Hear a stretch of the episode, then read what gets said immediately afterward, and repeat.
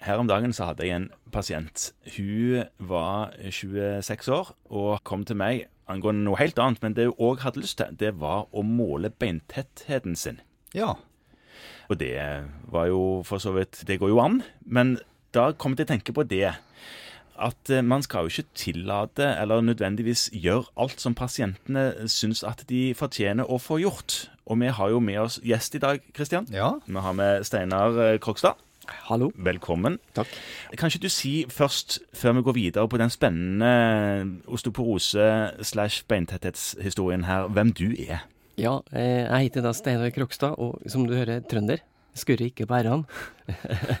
Men har vært eh, allmennlege i sju år, og eh, har etter det holdt på mest med forskning med Helseundersøkelsen i Nord-Trøndelag. Hunt. Hunt, ja. Ja. Mm. Og hvorfor i all verden eh, sitter du her og skal snakke om portvokterfunksjonen til allmennlegen? ja. Jeg ble jo med i faggruppe for sosial ulikhet i helse. Hva for noe? Faggruppe for Sosial ulikhet i helse. Sosial ulikhet i helse? Ja. Ja, spennende. Og da er jo dette med fordeling av- helsetjenester veldig viktig, ikke sant? Og med tanke på at alle bør ha tilgang til gode helsetjenester, uavhengig av om de har god eller dårlig råd, f.eks. Ja, Eller spør eller ikke spør. Ja, nettopp. Så da er jo dette med portvokterfunksjon som fastlegen har, en viktig funksjon for å fordele helseressursene på en god måte. Ja. Mhm. Men OK, så Kristian, tilbake igjen til denne eh, beintetthetsspørsmålet. Skulle du måle beintettheten til en eh, normal, eh, frisk, sunn 26-årig kvinne? Nei, altså medisinsk sett så har vi diskutert det i en annen podkast og snakket litt om indikasjonsstillingen for å ta beintetthetsmålinger. og med mindre det er et eller annet av vesentlige medisinske opplysninger du holder tilbake her, så er det svært liten indikasjon for å gjøre det. Ja. Det vil ikke få noen konsekvens.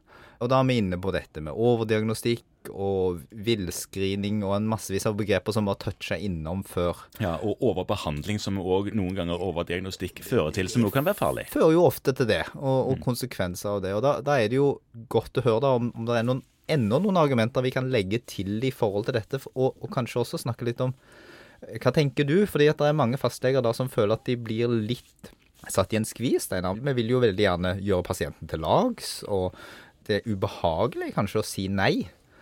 Det er jo det, og det er jo litt skvis, ikke sant? For at eh, folk er, kan jo være positivt interessert i helsa si, men samtidig så er vi vet jo at sånne undersøkelser er kostbare. Og eh, man kan få svar som man eh, har vanskelig med å tolke. Og i mange andre samfunn så er jo ikke den portvokterfunksjonen der med en god fastlege som vi har i Norge. Og da oppsøker jo folk eh, både det ene og andre og tredje undersøkelsen, ikke sant? Og jeg lurer på om de er kanskje temmelig forvirra. Ja, For det blir vel noen ganger problemet, iallfall med de som er pengesterke, at hvis de går til fastlegen sin, og fastlegen ikke finner noen medisinsk indikasjon, så går de til en annen, en privat aktør, som tilbyr mye av det samme, bare det koster veldig mye mer, og så får de det gjort allikevel. Og noe av det som vi føler på i dag, Kristian, som vi har snakket om før òg, er jo at vi blir sittende med resultatet av de undersøkelsene vi først sa nei til. Og hva gjør man liksom med det? Da har på en måte bordet fanga. Mm. Da har bordet fanga, og nei, det er jammen ikke enkelt uh, å være fastlege i den rolle rollen der, altså. Nei, og om man da sier nei, og, og pasienten da blir misfornøyd jeg tenker på, Vi har mange som hører på denne podkasten, som er, eh, ikke har like lang erfaring bak seg som det vi som sitter og, og trør her i studio nå. Da kan man kanskje føle seg usikker på om man har grunn til å si nei, om det er riktig å si nei. Har du noen råd vi kan gi til disse unge, lovende kollegene for at de skal leve et langt og rikt fastlegeliv og, og være trygge i rollen? Det er kanskje at man må gi litt av sin kunnskap. Altså være litt helsepedagog.